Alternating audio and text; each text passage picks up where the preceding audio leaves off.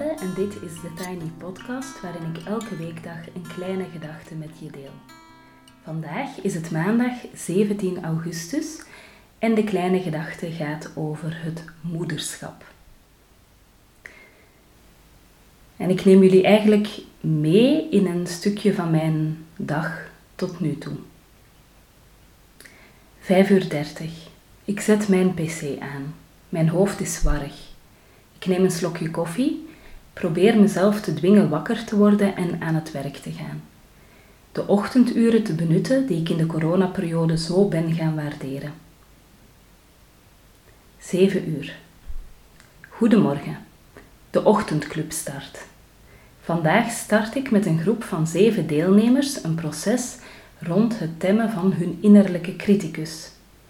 Ik vind deze ontmoeting zo bijzonder. Ik geniet van het kennismaken met mensen, het horen van hun stemmen, het luisteren naar wat ze willen delen. Ondernemen is soms een kluwe voor me en het is een kluwe met heel veel zorgen. Krijg ik alles klaar? Uh, hoe krijg ik alles gestructureerd? Kan ik alles managen? En vooral kan ik de rekeningen betalen? Mijn onderneming is nog steeds geen jaar oud. Uh, en in dat jaar uh, is die coronacrisis gekomen. Dus het is best spannend en uh, complex om ondernemer te zijn voor mij. Maar op momenten als deze, momenten als vanochtend, voelt het zo simpel. Het is dan gewoon een manier om te doen wat ik graag doe en goed kan. 8 uur 05. Haast maken. Ik fiets naar huis. Heb gelukkig wel al koffie gedronken, maar nog niet ontbeten. Maar om 8.30 uur begint de school vandaag. Yes, Noord-Holland begint op 17 augustus en we kunnen maar beter op tijd zijn. 8 uur 45. Ik kom thuis van het wandelingetje heen en terug naar school. En Jutta, de, een van de tweelingdochters, is meegewandeld. En onderweg had zij heel veel zin om alle slakken die we tegenkwamen, om die in detail te bekijken en om stokjes te verzamelen. Maar we komen thuis en de oppas komt voor de meisjes. Janne is verdrietig. Ik merk dat haar schoentjes te klein zijn geworden. Ik neem andere schoentjes en zet op mijn mentale to-do-lijstje dat ik schoenen met haar moet kopen. Ze zit huilend op mijn schoot. Ik probeer koffie te drinken, tegelijkertijd koffie te maken voor de oppas en Janne te troosten. Ontbijt sla ik maar eens over, besluit ik. Geen idee hoe ik dat voor mekaar moet krijgen met een hangerige, huilende tweejarige op mijn schoot.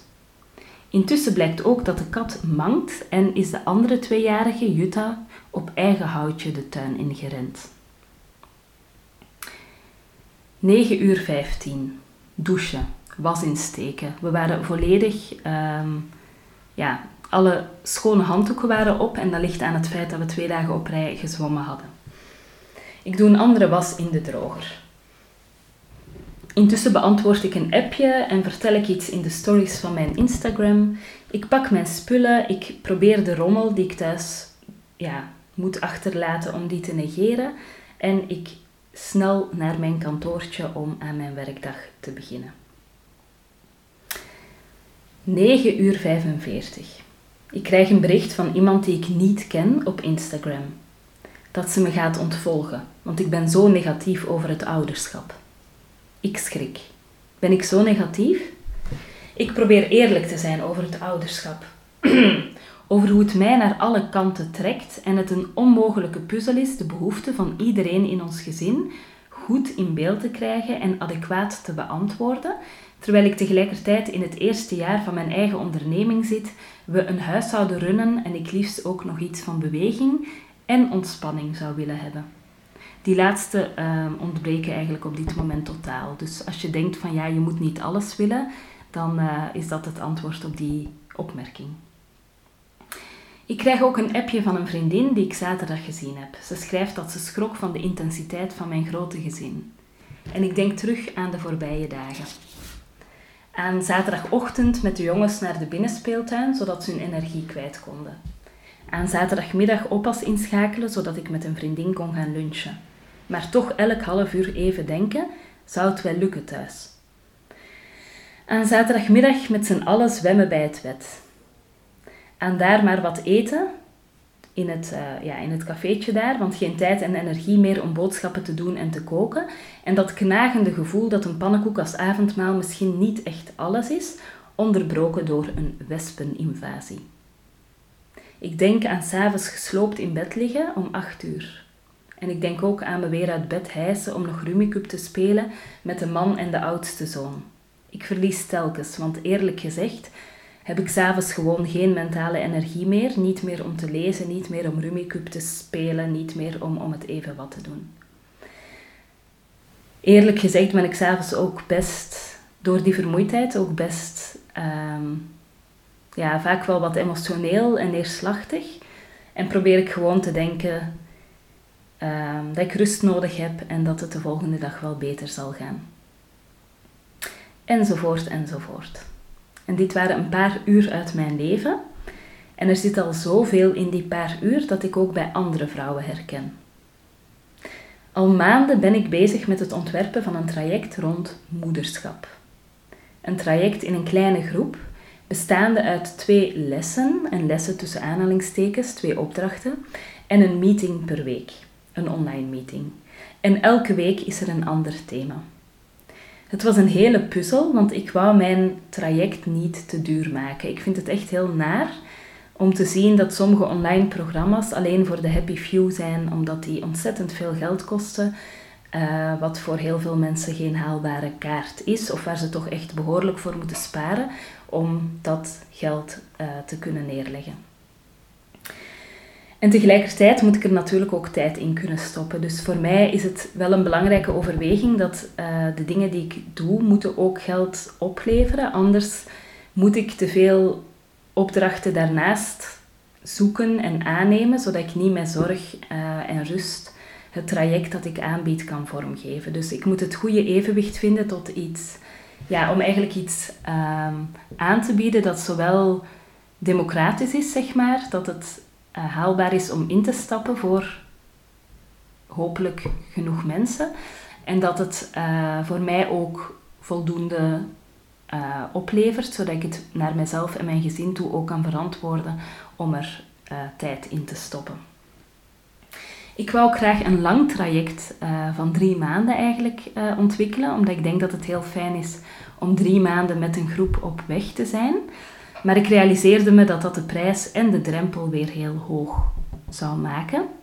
Dus ik puzzelde en puzzelde en puzzelde en eindelijk kwam er dit, namelijk uh, het traject Matrescence, met als ondertitel Tussen de liefde en de leegte. Nu, het woord matrescence is een term die je zou kunnen uh, vertalen als de geboorte van een moeder. En eigenlijk is die term de erkenning van het feit dat ehm, als er een baby geboren wordt of als er een kind geadopteerd wordt bijvoorbeeld, dan wordt er niet alleen een kind geboren of komt er niet alleen een kindje bij, maar wordt er ook een moeder geboren. Want eh, als moeder ga je door een overgang. Je hebt allerlei veranderingen die erbij horen uh, en die veranderingen strekken zich uit van hormonale veranderingen over fysieke veranderingen, maar ook emotionele veranderingen, sociale veranderingen, maar ook bijvoorbeeld veranderingen in je relatie als je die hebt. Ehm, en eventueel ook veranderingen in de relatie met je eigen ouders, met je vrienden enzovoort. En dat traject is eigenlijk een traject om daar ruimte voor te maken, om eigenlijk een soort van eerlijk te zijn over het ouderschap met elkaar en in bepaalde thema's uh, te duiken, um, die horen bij het ouderschap, in welke fase van het ouderschap je ook zit. Het traject start in de week van 28 september en in die week komen er twee opdrachten uh, online binnen een van de thema's. En elke zondagavond, uh, dus beginnende op 4 oktober, is er een online meeting, een clubje, een cirkel van 20.30 uur tot 22 uur.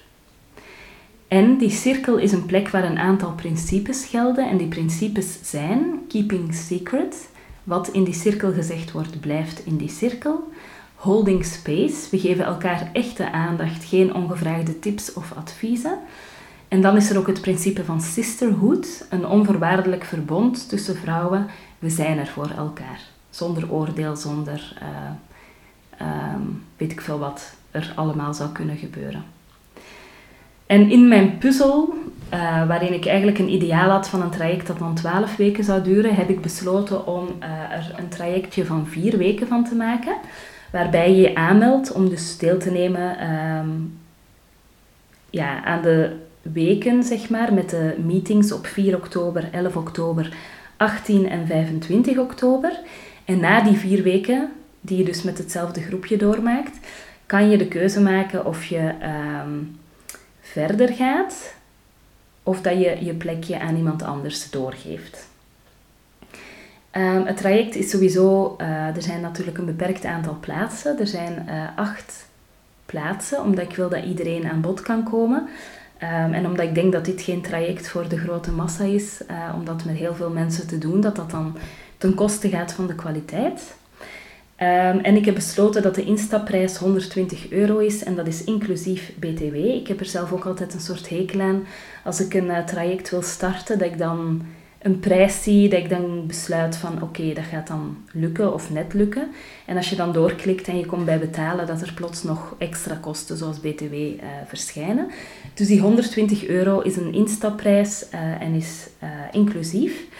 Um, en als je besluit na vier weken om een nieuwe reeks van vier weken te starten, dan krijg je een korting. Dus dan betaal je 100 euro voor de volgende vier lessen. En de thema's van de eerste vier weken zijn: uh, het eerste is matrescence, de geboorte van een moeder. De tweede is wie ben ik nu? ik niet meer ben wie ik was. Dus ik ga dat nog eens zeggen, want dat is misschien moeilijk om te volgen. Dus de tweede is, wie ben ik nu ik niet meer ben wie ik was? En dat gaat er eigenlijk over dat je door die grote verandering in je leven, ook een soort van vervreemding en ook de focus natuurlijk op iemand anders dan jezelf en het gebrek aan ruimte wat je ook kan ervaren, dat er um, een soort van vervreemding kan ontstaan van jezelf. Um, en dat het heel belangrijk kan zijn om terug te gaan zoeken in die rol als moeder, van wat er nog is van de oude jij en hoe dat die nieuwe en die oude jij met elkaar uh, verweven kunnen geraken. Het derde thema is mijn lijf en ik, omdat uh, het moederschap vaak ook iets met ons lichaam en ons lichaamsbeeld doet. En het vierde thema is tijd voor mezelf. Um, en de thema's voor de tweede reeks worden dan later um, bekendgemaakt. Nog even uh, dit. Uh, we doen dit om eerlijk te kunnen zijn met elkaar over dat moederschap, om bepaalde thema's uit te diepen, om verbinding te voelen en verbinding te voeden, om onszelf terug te vinden of onze nieuwe zelf beter in beeld te krijgen, om daar uiteindelijk meer comfort door te krijgen in het moederschap en in ons leven. En dat betekent ook comfortabel zijn bij wat niet goed gaat, mild zijn naar jezelf en anderen goed voor jezelf zorgen. Meebewegen met je ups en downs in plaats van je te verzetten tegen die uh, downs die er gewoon ook bij horen. Als je zelf uh, zin hebt om hier uh, aan mee te doen, dan mag je mij een mailtje sturen. Ik zal de, mijn e-mailadres in de show notes zetten. Um, of je kan mij via Instagram bijvoorbeeld een berichtje sturen, een persoonlijk berichtje. En dan stuur ik je de info en het linkje om uh, in te schrijven. Want voorlopig um, ga ik deze cursus niet openstellen, zeg maar, via de website of via andere kanalen. Ik wil het graag heel gedoseerd uh, aanpakken. En um, op die manier eigenlijk een groepje mensen verzamelen die heel gemotiveerd zijn om met elkaar dit aan te gaan. Voilà, Even zoeken naar mijn papieren.